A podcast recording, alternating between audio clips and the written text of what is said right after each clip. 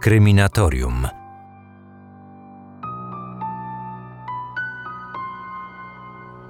Był wieczór 6 września 1916 roku. W ciemnej celi Piotrkowskiego więzienia, mieszczącego się w dawnych murach klasztornych, wybijały ostatnie godziny życia byłego księdza i zakonnika, Damazego Macocha, o którym kilka lat wcześniej pisały wszystkie polskie dzienniki. Teraz nikt już jednak o nim nie pamiętał. Od dawna nikt też go nie odwiedzał. Został zupełnie sam, tak jakby nawet Bóg wyrzekł się swojego własnego sługi. Więzień ten od miesięcy ciężko chorował. Gruźlica zaatakowała jego płuca i węzły chłonne. Czując zbliżający się nieubłaganie kres własnego ziemskiego żywota, duchowny ostatkiem sił przywołał więziennego komendanta. Długo o tym rozmyślał, miał przecież wiele czasu. Sumienie już od dawna nie pozwalało mu spokojnie zasnąć. Jego słowa ogromnie zaskoczyły przybyłego do celi kapitana Zdziarskiego. Wiem, że to moje ostatnie chwile i rana już zapewnie nie doczekam. Zatem, jeśli można, mam ostatnie życzenie. Nie chowajcie mnie na cmentarzu. Uczyniłem w swym życiu tak wiele zła, że nie jestem godny, aby być pochowanym z innymi ludźmi na uświęconej ziemi. Wolą moją jest spocząć pod cmentarną bramą, aby moje szczątki każdego dnia były deptane przez przechodniów. Kilka chwil później Damazy zamknął oczy po raz ostatni. Jego woli oczywiście nie wykonano. Władze więzienia postanowiły oszczędzić byłemu księdzu takiego pohańbienia, o czym donosiła Gazeta Łódzka. Dnia 7 września o godzinie 4 po południu ruszył z bram więziennych skromny pogrzeb prowadzony przez księdza Wojciechowskiego. Za trumną z sosnowych desek nikt nie poszedł. Dopiero w drodze gromadził się tłum gapiów. Zwłoki złożono na cmentarzu, opodal grobów wojskowych. Kim był ten zakonnik, który swych ostatnich dni dożył w więziennej celi Piotrkowskiego więzienia? Co sprawiło, że sumienie nie pozwalało mu spocząć w miejscu do tego przeznaczonym. Witam, nazywam się Marcin Myszka, a wy słuchacie Kryminatorium. Zazwyczaj opowiadam tutaj o sprawach sprzed wielu, wielu lat i nie inaczej będzie i tym razem. Przypominam, że za tydzień na Spotify, jak i wszystkich innych aplikacjach podcastowych możecie spodziewać się nowej historii Oczywiście sprawy kryminalnej, którą przedstawię w moim programie tak jak zawsze w poniedziałkowy poranek. Kryminatorium. Otwieramy akta tajemnic. Aby poznać historię księdza Damazego Macocha i zrozumieć, dlaczego u kresu życia cierpiał katusze nie tylko cielesne, ale i moralne, musimy się cofnąć o blisko 20 lat do roku 1895, gdy 24-letni Kacper Macoch porzucił posadę pisarza gminnego w swojej rodzinnej wsi nieopodal Częstochowy, by wstąpić do klasztoru Paulinów na Jasnej Górze. Młody duchowny po dwóch latach odesłany został do seminarium we Włocławku. Tam jednak zachorował na tyfus i powrócił do klasztoru, gdzie przez kilka następnych lat przygotowywał się do stanu duchownego. Tak przynajmniej mówiła wersja oficjalna. Prawdziwy powód odesłania macocha z seminarium przytoczył Sławomir Koper w książce Oszuści, zabójcy, kasiarze, którą w tym odcinku kilkukrotnie będziemy się jeszcze posiłkować. Zachowały się informacje, że to nie choroba przeszkodziła Macochowi w studiach, tylko całkowity brak zdolności, za sprawą którego nie dawał sobie rady z nauką. Na Jasnej Górze wymagania były mniejsze, tam też został wyświęcony na księdza. Po zdaniu dość łatwych egzaminów i spełnieniu ślubów zakonnych, Kacper Macoch został wyświęcony. Przyjął nowe imię Damazy. W klasztorze odznaczał się początkowo cichym i spokojnym charakterem. Był przez wszystkich lubiany, a przeor klasztoru, czyli przełożony ksiądz Rejman, uczynił go nawet swoim sekretarzem.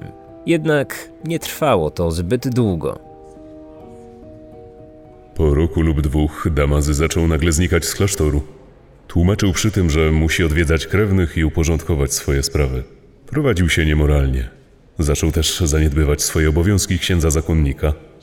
A co najgorsze, stał się kłamcą cichym i rozpustnym. Wielką rolę w zmianie charakteru zakonnika odegrała jego przyjaźń z dwoma innymi księżmi Bazylim Olesińskim i Izydorem Starczewskim, którzy w swoim zachowaniu nie byli lepsi od niego. Ich przełożony próbował wpłynąć na macocha, ale ten nie reagował. Raz nawet, wezwany na rozmowy po kolejnych skargach, zaczął się księdzu Rejmanowi odgrażać. Niech się przeor do mnie i do spraw moich więcej nie miesza. I niech się w końcu ode mnie odczepi, bo urządzę tak, że klasztor cały zamknął na dobre. Już wtedy chodziły plotki, że Macoch utrzymuje zażyłe stosunki z władzami zaboru rosyjskiego, a może nawet jest agentem tajnej policji politycznej zwanej ochraną. Zakonnika zostawiono więc w spokoju. Na jego coraz śmielsze występki starano się przymykać oczy. Trzech mnichów, czując się na terenie klasztoru bezkarnie, zaczęło gustować w rozrywkowym trybie życia. Zaczęli więc od szantażu, gdy zorientowali się, że jeden z ich współbraci kradnie datki za msze święte odprawiane w intencji darczyńców. To był dopiero początek. Już wkrótce trzej złodzieje sami zaczęli przywłaszczać pieniądze otrzymywane za nabożeństwa, które sami odprawiali. To im jednak nie wystarczało, więc swój przestępczy interes postanowili rozwinąć. Macoł ze swoimi wspólnikami zaczął okradać zakrystię, później także innych zakonników. Gdy jeden ze starszych księży umarł w swojej celi, pierwsza na miejscu pojawiła się trójka złodziei, by przed przekazaniem przeorowi smutnej nowiny w największej tajemnicy wynieść najbardziej wartościowe rzeczy zmarłego. Wraz z nadejściem roku 1908 Damazemu Macochowi wydatki znacząco wzrosły. Wtedy też poznał 23-letnią Helenę Krzyżanowską, kobietę nie tylko urodziwą, ale i niezwykle inteligentną. Pierwszy raz spotkali się podczas spowiedzi, która szybko przerodziła się w coś więcej niż udzielenie rozgrzeszenia. Więcej grzechów nie pamiętam, a czy ich żałuję, tego proszę księdza nie jestem już pewna. Nie w żałowaniu za grzechy szkopu, moja droga, ale w tym, by ich więcej nie popełniać. Nawet święty nie wszystkiego czasem żałuje. A co, jeśli ja lubię niektórych grzechów nie żałować? Zwłaszcza tych, za które dama żałować powinna. Czy ksiądz mi w tym pomoże? Aby ich więcej nie czynić? Aby je powtórzyć. I to tak, by móc ich potem nie żałować jeszcze bardziej. Spotkali się zaraz po spowiedzi, na spacerze przy klasztornych wałach. Wkrótce wybuchł pomiędzy nimi płomienny, bardzo zakazany romans. Zakonnik nie przejmował się faktem, że złożył śluby czystości.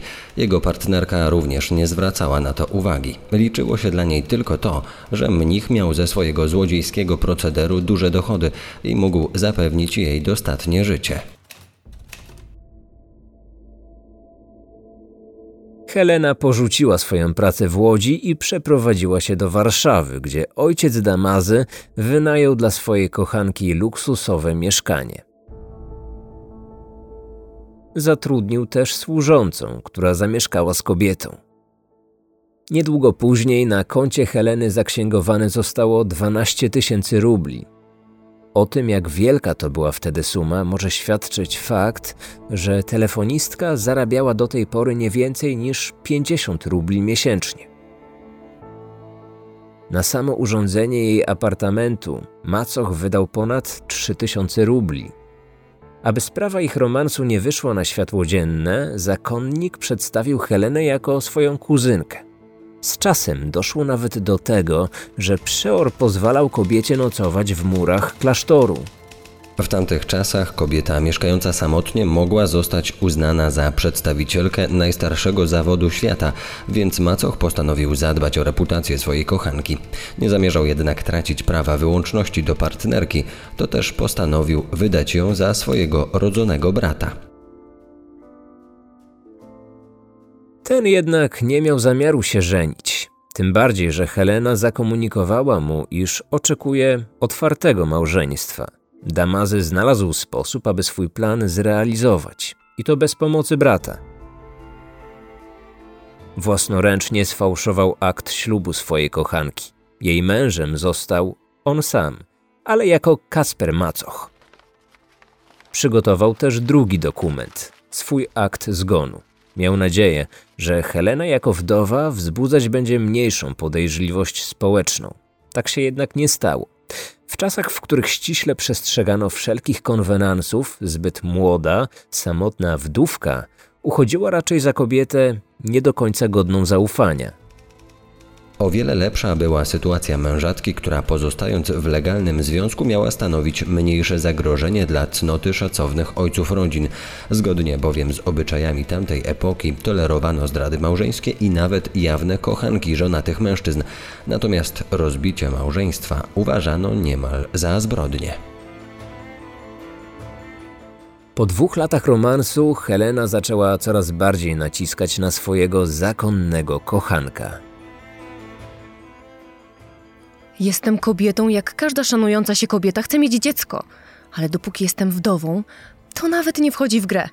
Ludzie rozszarpaliby mnie na ulicy w biały dzień. Ty zrobiłeś ze mnie wdowę, to teraz to napraw. Uspokój się, moja droga. Jeszcze ktoś cię usłyszy. Coś wymyślę. Daj mi tylko trochę czasu. Ale ja już nie mam czasu. Jestem najstarsza ze wszystkich moich kuzynek, a one już dawno mają dzieci. Czy ty sobie wyobrażasz, jak moja rodzina na mnie patrzy? Widzę, że nie odpuścisz. Może i mam dla ciebie męża. Za mną on co prawda nie przepada i do ślubu mu nigdy śpieszno nie było, ale jak to mówią, pieniądze nie śmierdzą. Nie chcąc się z nikim dzielić swoją kochanką, Damazy postanowił wszystko zostawić w rodzinie. Jego wybór padł na własnego kuzyna, Wacława Macocha, skromnego urzędnika pocztowego, któremu za nietypową rodzinną przysługę zaoferował posag w wysokości 20 tysięcy rubli. Zgodnie z przewidywaniami Damazego, Wacław miał o swoim kuzynie jak najgorsze zdanie, czego przed swoimi przyjaciółmi nigdy nie ukrywał. Ten rozpustnik i oszust zawsze był zakałą naszej rodziny – Śluby kościelne w ogóle go nie zmieniły. Raz nawet, ubrany w habit, pojawił się u mnie kompletnie pijany i żądałby zaprowadzić go do kobiet, co odmawiać miłości w zwyczaju nie mają. Prowadzał się też po Częstochowie z młodą wdową, którą później ja miałem za pieniądze poślubić. Choć całe miasto szeptało, że to kochanka księdza, mi w gruncie rzeczy było tam wszystko jedno, z kim do ołtarza pójdę. Prawdę mówiąc, zależało mi tylko na obiecanym posagu. Ślubu młodej parze udzielił oczywiście ojciec Damazy. Pilnował, aby wydana przez niego kwota nie poszła na marne. Sakramentalne tak własnej kochanki i jego kuzyna wypowiedziane wiosną 1910 roku miało być kresem wszelkich problemów grzesznego zakonnika. Jednak prawdziwe kłopoty ojca Damazego miały się dopiero rozpocząć. Zaraz po ślubie okazało się, że chciwość Wacława niewiele była mniejsza niż Damazego. Pan młody zaczął traktować swoje małżeństwo jako intratny interes, a co za tym idzie, szantażować księdza. Groził, że ujawni wszystkie jego tajemnice.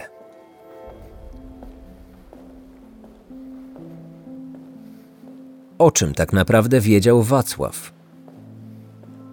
Czy miał na myśli jedynie skandal obyczajowy z udziałem mnicha? Domyślał się, że bogactwo kuzyna nie pochodzi z legalnych źródeł, więc na pewno miał również na myśli jego kradzieże dokonywane na Jasnej Górze. w tym okradzenie bogato zdobionego obrazu Matki Boskiej, o którym swego czasu pisały wszystkie polskie dzienniki. Pisarz i publicysta Sławomir Koper uważa, że w grę wchodziło o wiele poważniejsze oskarżenia – Możliwe, że groził zakonnikowi ujawnieniem jego współpracy z ochraną. Jest bowiem prawdopodobne, że Macoch kolaborował z carską policją, która w tamtym czasie toczyła walkę z kościołem katolickim. Niewykluczone, że właśnie dzięki pomocy ochrany Damazy dostał się na Jasną Górę i był przez nią sowicie opłacany. Istnieją nawet podejrzenia, że miał przygotowywać w klasztorze prowokację, której celem była kompromitacja nie tylko zakonu, ale i całego polskiego kościoła. Jednak bez względu na powód szantażu, Damazy nie mógł sobie pozwolić, by prawda o jego niecnych uczynkach wyszła na jaw. Aby wizja zdemaskowania nie przybrała realnych kształtów, zakonnik musiał zacząć działać. Wybrał najłatwiejsze, jego zdaniem, rozwiązanie. Postanowił raz na zawsze uciszyć kuzyna, który wiedział za dużo. Dwa miesiące po ślubie Damazy wezwał go na Jasną Górę w celu wypłacenia mu zaległego posagu. 22 lipca 1910 roku Wacław przybył do klasztoru. Był sam, tak jak życzył sobie tego Damazy. Helena została w Warszawie. Przed wyjazdem Wacław powiedział jednemu ze swoich przyjaciół: Jadę do Częstochowy. Rozmowę mieć będę z ojcem Damazem o sprawach bardzo istotnych. Jeśli nie dojdę z nim do jakiegoś porozumienia, to wszyscy dowiedzą się o takich rzeczach, o których nawet nikt nie myślał. Macoch przyjął swojego gościa najserdeczniej jak umiał i zaproponował zostanie w jego celi przez kolejne dni. 24 lipca wieczorem, w trzecim dniu pobytu, pomiędzy kuzynami wywiązała się najpierw poważna rozmowa, a następnie ostra awantura. Wtedy też doszło do zbrodni, opisanej później w gazecie robotniczej. Gdy Wacław przyjechał po obiecaną zapłatę, niewątpliwie żądanie swe poparł pogróżką, że w razie niedopełnienia zobowiązania ujawni wszystkim kradzieże Damazego. Na tym tle wynikła gwałtowna sprzeczka, która uprzytomniła ojcu Damazemu mogącemu grozić ze strony kuzyna niebezpieczeństwo. W nocy, gdy nie przeczuwawszy niczego Wacław położył się spać, został w ohydny i krwawy sposób zamordowany. Przy pomocy klasztornego służącego Damazy zapakował zwłoki Wacława do starej sofy, którą następnie wywiózł z Jasnej Góry wynajętą uprzednio dorożką. Po dojechaniu do odległej o 30 km wsi Zawady, sofa z martwym szantażystą w środku została wrzucona do rzeki Lizwarty. Na koniec Zakonnik wezwał do siebie służącego i dorożkarza, wyciągnął krucyfiks i odezwał się do nich drżącym głosem. Wiedzieć, panowie, musicie, że dla dobra obrazu naszej panienki Matki Boskiej stało się to, co stać się musiało. Zanim siądziecie do pojazdu i odwieziecie mnie do klasztoru, Musicie przysiąc na rany Zbawiciela, że o tym, co tu się stało, nigdy nikomu nie powiecie. Przysięgli oboje, ale gdy dwa dni później dorożkarz przeczytał w gazecie o wyłowionej z rzeki Sofie z makabryczną zawartością w środku, przeraził się. Choć ojciec Damazy straszył go wcześniej karą boską, on zdawał sobie jednak sprawę, że o ile Bóg do więzienia nie wsadza, to policja już tak. O całym zajściu, którego był nieświadomym wspólnikiem, powiadomił więc stróżów prawa. Nie wiedziałem, co robię. Ja głupi nie wiedziałem. Księdzu wierzyłem, bo jak mógłbym księdzu nie wierzyć? Nie wydałem go wcześniej, bo mi przysięgać kazał. Biegłem straszył. Gdybym wcześniej wiedział, co wiozę, to za cały worek pieniędzy bym tego nie wiózł. Tymczasem ojciec Damazy wyjechał do Warszawy, by osobiście poinformować Helenę o tym, że swojego męża już nigdy nie zobaczy. Przebieg tej rozmowy przytoczyła podczas późniejszego procesu warszawska służąca Heleny. Przyjechał do niej z oświadczeniem, że mąż jej porzucił ją i do Ameryki wyjechał. Nie uwierzyła i nalegała głośno, aby jej wyjawił prawdę. Wtedy powiedział, że Wacława zabił, bo człowiek był to podły i bez uczuć szlachetnych. Przypuszczam jednak, że prawdziwym powodem zabójstwa była zazdrość o Helenę. Po swoim wyznaniu zaproponował jej małżeństwo, ale mu stanowczo odmówiła. Wcześniej własnoręcznie zamalował ślady krwi w swojej celi i zlecił klasztornym pracownikom jej gruntowny remont.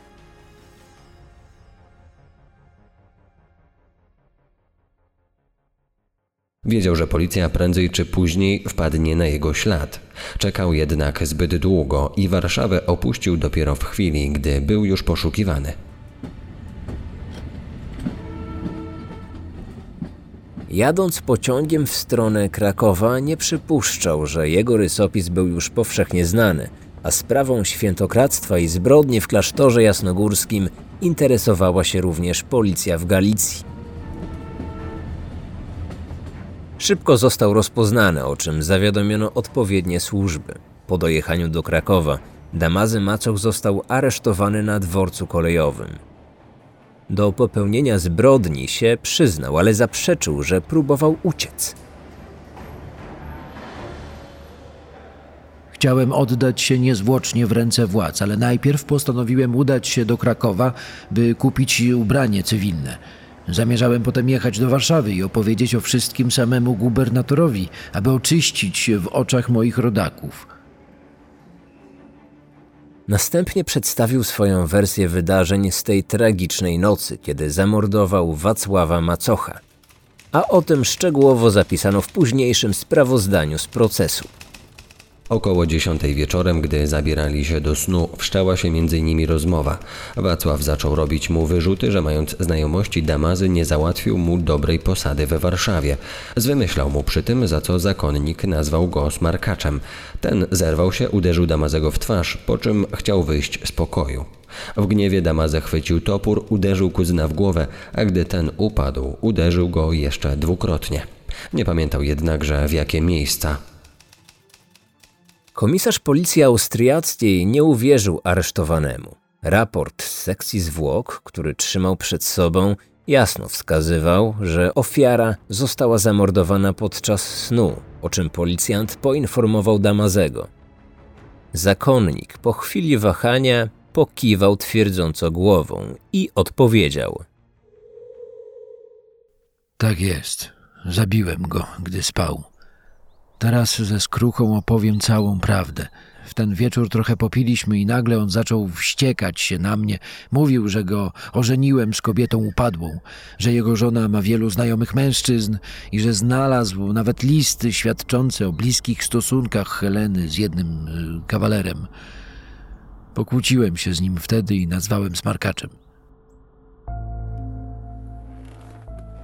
Gdy Wacław położył się do swojego łóżka, w zakonniku zaczął wzbierać gniew, którego nawet on sam nie potrafił zrozumieć. Długo chodził po swojej celi i nie mógł zasnąć.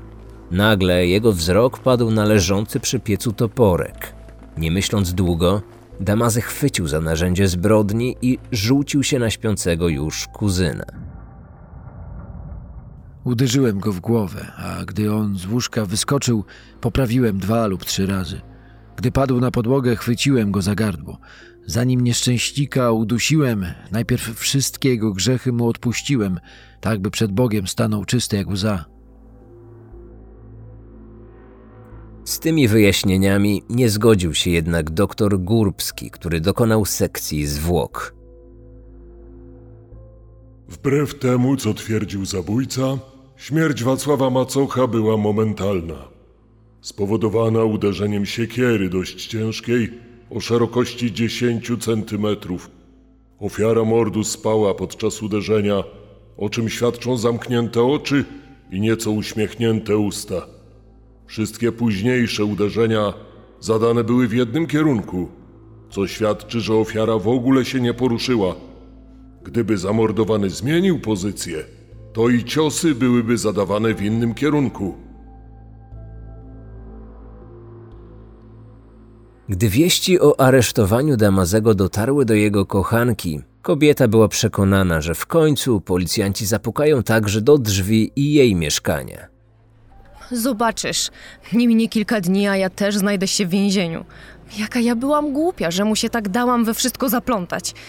Dziękuję ci za twoją służbę. Tu masz stosowną odprawę, więc z głodu przez jakiś czas nie umrzesz. Dzisiaj wyjedziesz. Od teraz musisz sobie radzić sama. Pani możesz jeszcze uciec. Mój brat pomoże. On już nieraz ludzi przed policją ukrywał i do Galicji wywoził. Po znajomości to i mniej za pomoc weźmie. Nie chcę, moja droga, uciekać przez resztę życia niczym jakieś zwierzę. Żałuję tylko, że sama na tego nic ponia wcześniej nie doniosłam. Ale jak miałaś to zrobić pani, skoro na własne uszy słyszałam, jak Damazy groził, że i ciebie zabije, jeśli na niego co policji powiesz? Niby tak było, ale sama mi powiedz.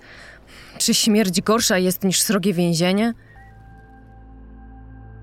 Zgodnie ze swoimi przewidywaniami, kilka dni później Helena Macoch została aresztowana. Kobieta przyznała się do bycia towarzyszką ojca Damazego. Potwierdziła również, że wiedziała o zabójstwie swojego męża. Odrzuciła jednak stanowczo oskarżenie o bycie wspólniczką zabójcy. Mimo to ówczesna prasa, nie wiadomo czy z niewiedzy, czy też z chęci wywołania sensacji, publikowała nieprawdziwe informacje na temat okoliczności aresztowania Heleny. Gazeta robotnicza donosiła, w czwartek aresztowano Helenę Skrzyżanowskich-Macochową. Po sprawdzeniu jej tożsamości podjęto pierwsze przesłuchanie. Kobieta przyznała, że była w towarzystwie Damazego, że z Warszawy wyjechali osobno i mieli się spotkać w jednym z pogranicznych miasteczek celem przekroczenia granicy. Podaje też, że nic o trupie w Sofie nie wiedziała, a z Damazym wyjechała dlatego, ponieważ obiecywał jej, że się z nią ożeni za granicą. Rewelacje podane przez dziennikarzy okazały się w większości nieprawdziwe, co sama oskarżona udowodniła podczas procesu, który rozpoczął się 27 lutego 1912 roku w Piotrkowie.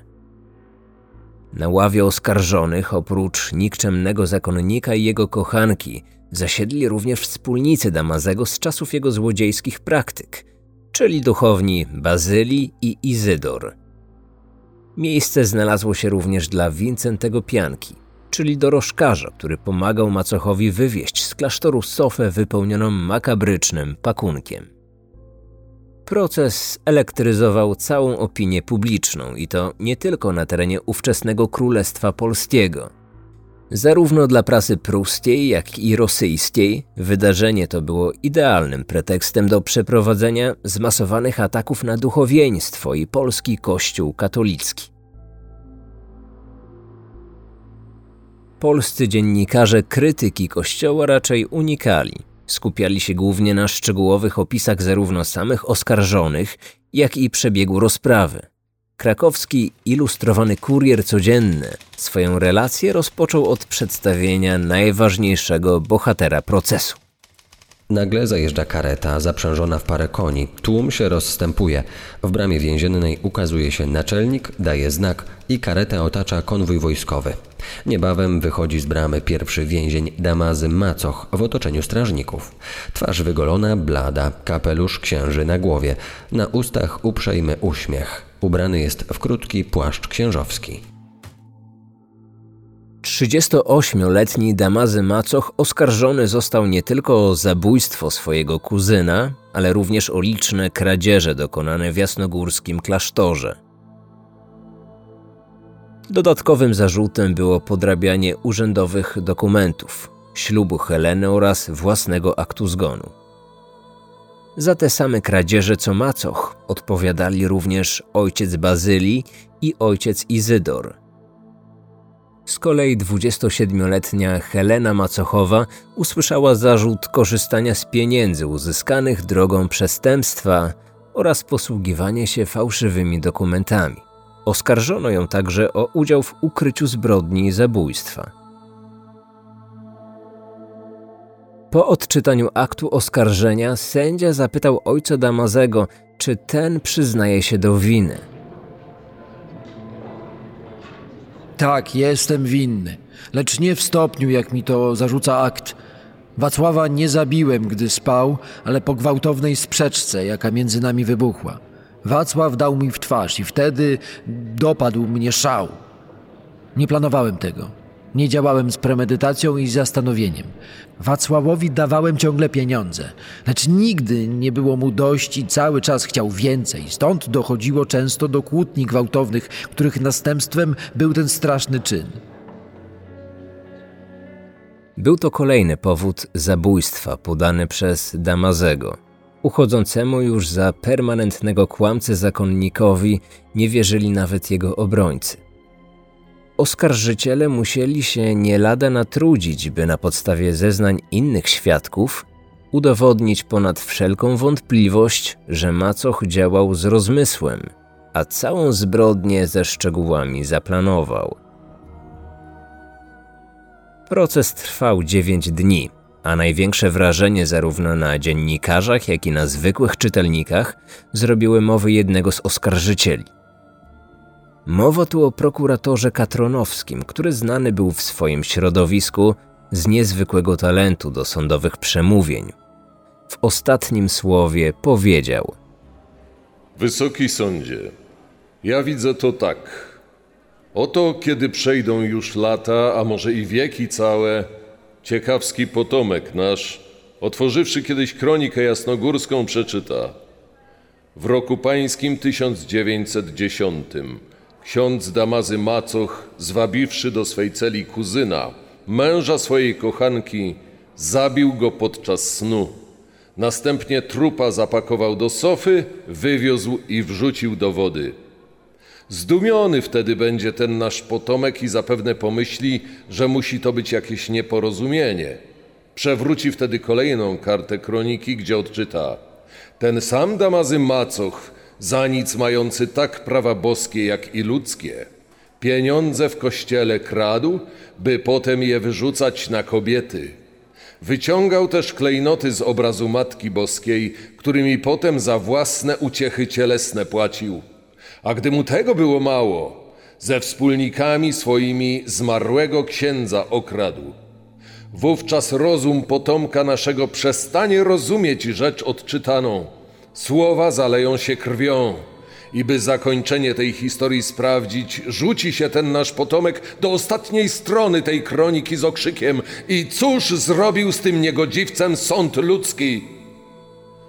Tę właśnie ostatnią kartę kroniki macie zapisać właśnie wy, panowie sędziowie. I to w sposób taki, by potomka naszego w niczym nie zawieść. Sędziowie zgodnie z oczekiwaniami oskarżyciela ostatnią stronę tej jasnogórskiej kroniki zapisali. Jednak nie do końca tak, jak życzył sobie tego prokurator, który uznał wydane wyroki za zbyt łagodne, zwłaszcza w odniesieniu do zakonnika zabójcy. Wydany przez Sąd Okręgowy w Piotrkowie wyrok w tej sprawie stanowił Damazy Macoch 12 lat ciężkiego więzienia, Izydor Starczewski 5 lat więzienia, Bazylii Olesiński 2,5 roku więzienia, Helena Macochowa 2 lata więzienia, dorożkarz Wincenty Pianka 4 miesiące aresztu, Lucjan Cyganowski 7 dni aresztu. Wszystkim zaliczono w poczet kary areszt śledczy. Józef Pertkiewicz został uniewinniony. Ojciec Damazy wyroku wysłuchał ze spokojem, podczas gdy jego kochanka rozpaczliwie płakała.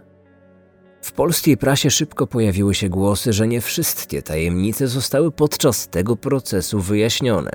Takie podejrzenia budził fakt usunięcia przez władze rosyjskie jeszcze przed rozpoczęciem rozprawy 14 stron z oryginalnego aktu oskarżenia.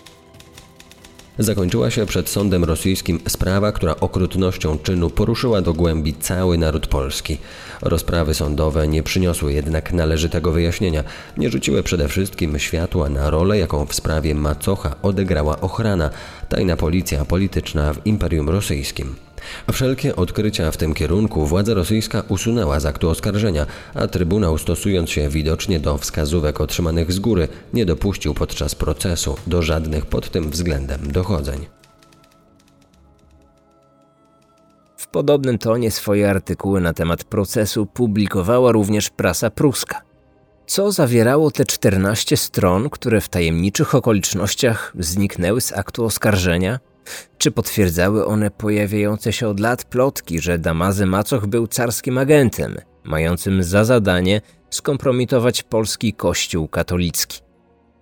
Czy, jak sugerowali niektórzy dziennikarze, właśnie po to znany z uwielbienia do rozrywek Macoch został wyświęcony na księdza, aby mógł zostać rosyjskim szpiegiem w klasztorze? Katolickie nowiny raciborskie o swoich podejrzeniach poszły jeszcze dalej. Macoch, porozumiawszy się z rządem rosyjskim, miał w klasztorze gromadzić zapasy dynamitu, bomby, karabiny i amunicję, ażeby dostarczyć Rosjanom pseudodowodu, że klasztor jest środowiskiem polskich rewolucjonistów. Za pracę swą był sowicie wynagradzany, czuł się też bezkarny. Do wykonania tego zadania potrzebował jednak swojego kuzyna, a gdy tenże nie był zadowolony z sumy mu przeznaczonej i groził wyjawieniem planu, Macoch zamordował go.